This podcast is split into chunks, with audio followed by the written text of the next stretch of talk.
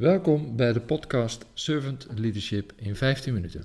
Wij zijn Erik Stegger en Arlette Bout. En we zijn van het Nederlands Instituut voor Servant Leadership. In de podcast nemen we je mee in alledaagse situaties die je als leidinggevende, ondernemer of professional wel kent. Het zijn de problemen waar je tegenaan loopt, de worstelingen en de dilemma's die je tegenhouden om verder te groeien. En elke aflevering krijg je van ons tips die je meteen kunt toepassen en waardoor je meer ruimte en lucht krijgt en je groeit ook als leidinggevende. En dit keer gaan we het hebben over eigenaarschap. Nou, Alet, eigenaarschap. Waar gaat dat dan over? Eigenaarschap uh, in termen van leiderschap uh, betekent dat je de, het, uh, je gedraagt als iemand die het eigendom heeft van iets of van jezelf. Nou, dat is natuurlijk een beetje een rare uitspraak, het eigendom van iets of van jezelf. Maar wat ik ermee bedoel is dat eigenaarschap betekent dat je de volledige verantwoordelijkheid neemt en aanspreekbaar bent op alles wat je doet, hoe je je gedraagt rondom die verantwoordelijkheid en die taken die aan jou zijn toebedeeld en waar je ja tegen hebt gezegd. Dus, dus wat is voor de leidinggevende hier een uitdaging als je het hebt over de mensen die, uh, dat hoor je ze wel eens zeggen, van ja, ze moeten meer eigenaarschap nemen. Dus nou, hoe werkt dat dan?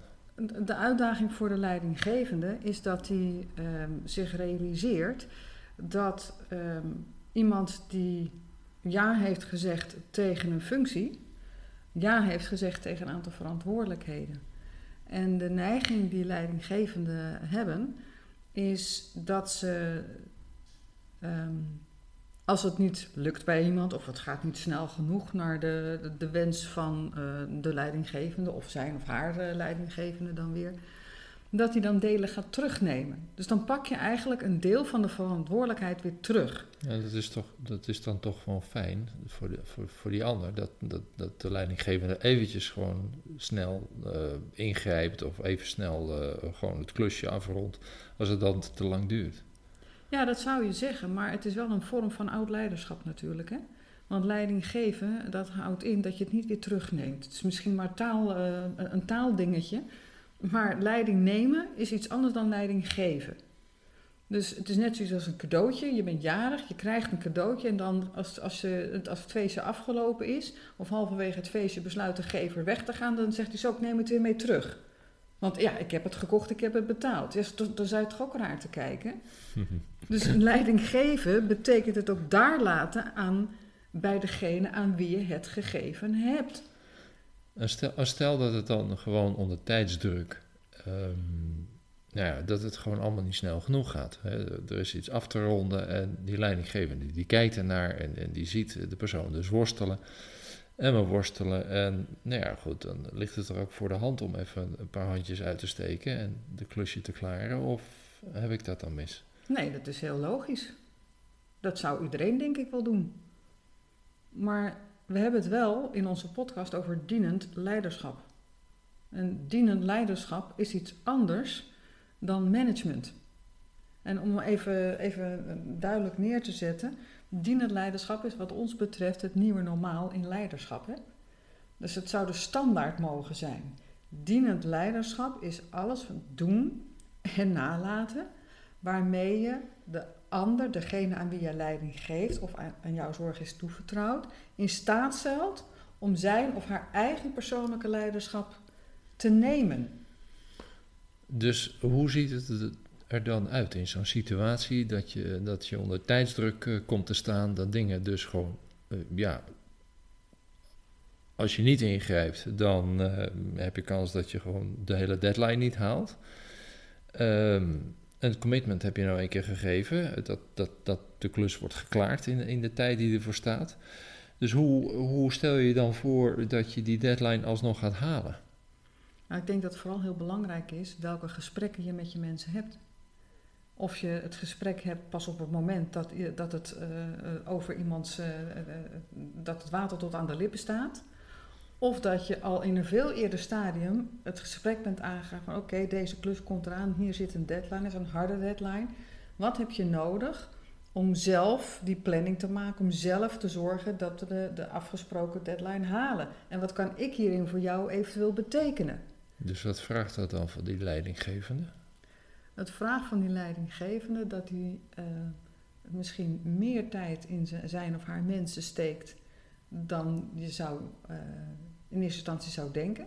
Want eventjes, een klein zijstapje, het is een misvatting om te denken dat dienend leiderschap betekent alles maar loslaten. Nee, je mhm. houdt de verbinding met mensen, maar je laat de controle, de neiging om te controleren en te beheersen, laat je los. Dus je vertrouwt op, het, op de, de, de, uh, de zelfstandigheid van je medewerkers. En ik weet wel dat het, dat het een hele lastig is, omdat niet iedereen zelfstandig is. Ja, dat lijkt wel zo, maar in dan kan het erop aankomen dat het niet zo is. Dus hier heb je echt te maken met de eerste twee competenties van dienend leiderschap. Bewustzijn en, luisteren. Luisteren. Um, dus uh, naar jouw vraag, wat, wat moet die leidinggevende dan doen? Dus het gaat over welke gesprekken heb jij voorafgaand aan een, een grote klus of een project wat er aankomt? Dat je inventariseert wat iemand zelf nodig heeft. Waartoe is hij zelf in staat en waar heeft hij hulp nodig? Hmm. Nou, gedurende dat uh, traject vraag je van een medewerker, als je ergens mee zit, ik vertrouw erop dat je naar me toe komt als je ergens tegenaan loopt. Want ik wil jou graag je eigen weg laten gaan, zodat jij gaat leren. En je kunt mij helpen, want dat is, het is ook wederkerig, hè, door mij af en toe eens op de hoogte te houden, want dan leer ik ook loslaten. Dat is een traject dat we samen ingaan. Dus als jij van het oude leiderschap naar dienend leiderschap wil, dan ga je samen leren. Er is helemaal niks mis mee. Het punt is dat je dan wel over je eigen ego heen moet willen stappen. En kunnen vragen aan die medewerker, ik heb jou ook nodig. Dus dat eigenaarschap, hoe bevorder je dat dan verder? Dus ik hoor jou wel zeggen, nou ja, je gaat in gesprek, maar, maar, maar wat, wat, wat voor actieve zaken kun je dan verder nog doen? Nou, er zijn misschien wel ehm, hele handige gesprekstechnieken. En misschien is dat waar je als luisteraar ook wel benieuwd naar bent. Van ja, hoe doe je dat nou? En uh, dit doe je, kun je op individueel niveau doen. Maar je zou dit ook uh, met een team kunnen doen. Mm -hmm. En een van die uh, uh, technieken, een van die uh, manieren om dat te bevorderen, is dat je gaat werken met schaalvragen.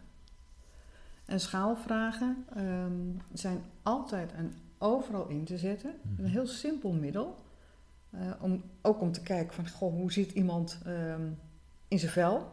Wat heeft hij nodig? zodat hij zelf kan bepalen um, hoe het met hem gaat, wat hij nodig heeft om, om zich beter te voelen en het dan ook daar te laten. Dus, dus ik kan me zo voorstellen dat, uh, dat jij mij de vraag stelt, nou Erik, op een schaal van 0 tot 10, uh, ehm, hoe, hoe, hoe zit je erin? Of nou ja, goed, waar het dan ook over gaat. Ik kan misschien zo meteen wel een voorbeeld uh, ingeven. Maar stel dat ik dan zeg, nou ja, ja mm, nou ja, een 2. Wat dan? Nou, dan zou, dan zou mijn reactie zijn, oké, dat is mooi. En dan zeggen mensen, Hoezo is een 2 mooi? Want we denken vaak in rapportcijfers. Hè, en een 2 is een zware onvoldoende. Dat je een 2 op je rapport, dan bleef je echt zitten vroeger op school. Echt kansloos. Haalde je niet meer omhoog. Dus het is een brevet van onvermogen. Zo wordt het beleefd. Exact. Maar het werken met schaalvragen is juist bedoeld om het gevoel van ik doe er wel toe, het gevoel van eigenwaarde te vergroten. Eigenwaarde, wat is dat?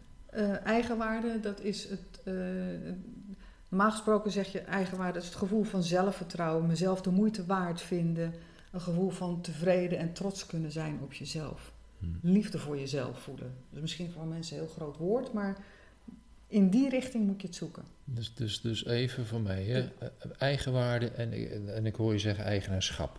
Wat hebben die twee dus dan met elkaar te maken? Um, wat die twee met elkaar te maken hebben, is dat als jij de verantwoordelijkheid krijgt voor je functie, voor een rol, voor een project, voor een, nou, noem, noem het maar iets, een, een taak. En jouw leidinggevende laat die verantwoordelijkheid bij jou en vertrouwt erop dat jij er wel uitkomt. En dat als het niet lukt, dat je op tijd naar hem toestapt of haar toestapt en zegt: Ik heb je hulp even nodig.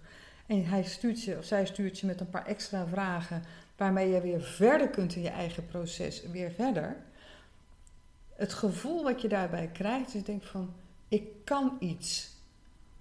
Het wordt niet, ik voel me niet als een klein kind behandeld, maar ik voel me als een volwassene en autonoom en zelfstandig denkend mens behandeld.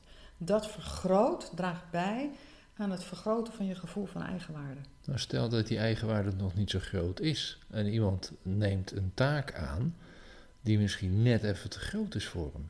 Ja. En die eigenwaarde is dus dan nog niet zo sterk. Wat dan?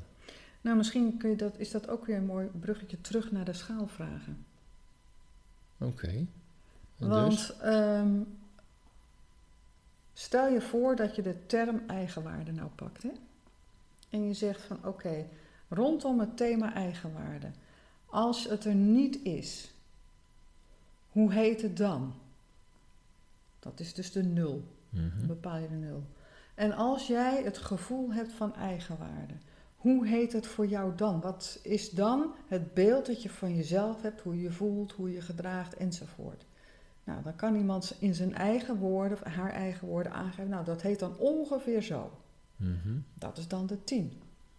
De vervolgvraag is op die schaal van 0 tot 10, waarbij we net de 0 en de 10 hebben bepaald, waar sta jij dan? Nou, stel, ik zeg dus dan twee. Dan zeg ik, nou, dat is mooi.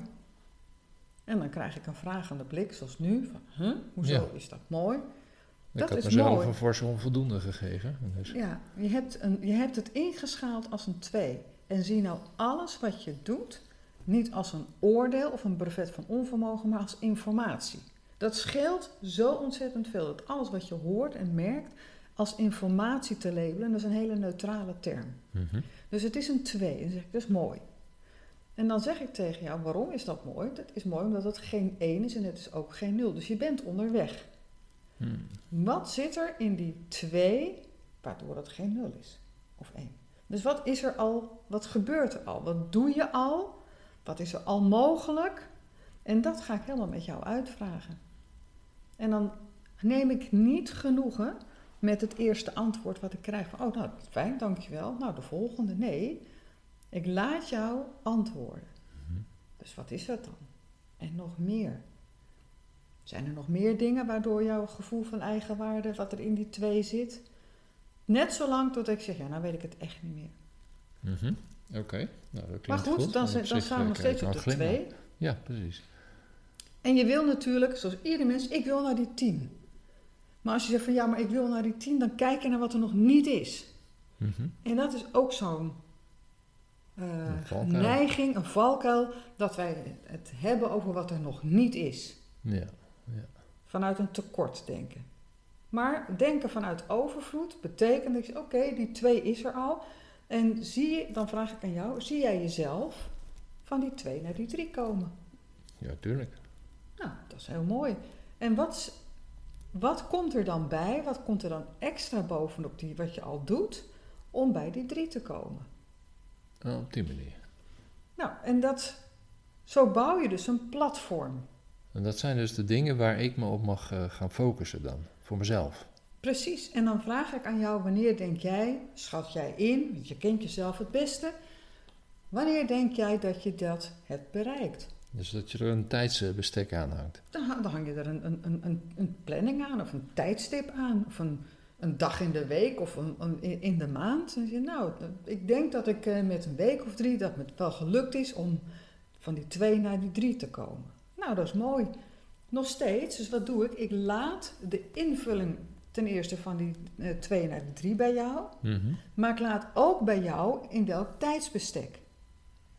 Dus de verantwoordelijkheid voor dat stukje ontwikkeling van de 2 naar de 3 ligt helemaal bij mij. Exact. Maar dat betekent niet dat je in je eentje hoeft te worstelen. Want mijn vraag is ook: heb jij onderweg van die twee naar die drie nog iets van mij nodig? Wat Hmm. kan ik daarin voor jou betekenen? En stel dat het mij dan eh, zeg maar in dat tijdsbestek net niet lukt, want dan heb ik weer een rotgevoel.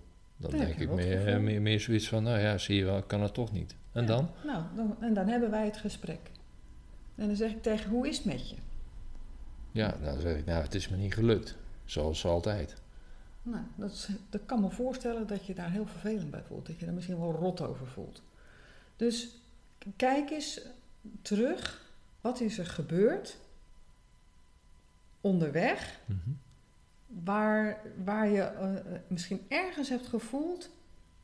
Nu kom ik op een kritiekpunt. Wat heb je ervan geleerd, van die, van die, van die route van die twee naar die drie? Hmm, op die manier.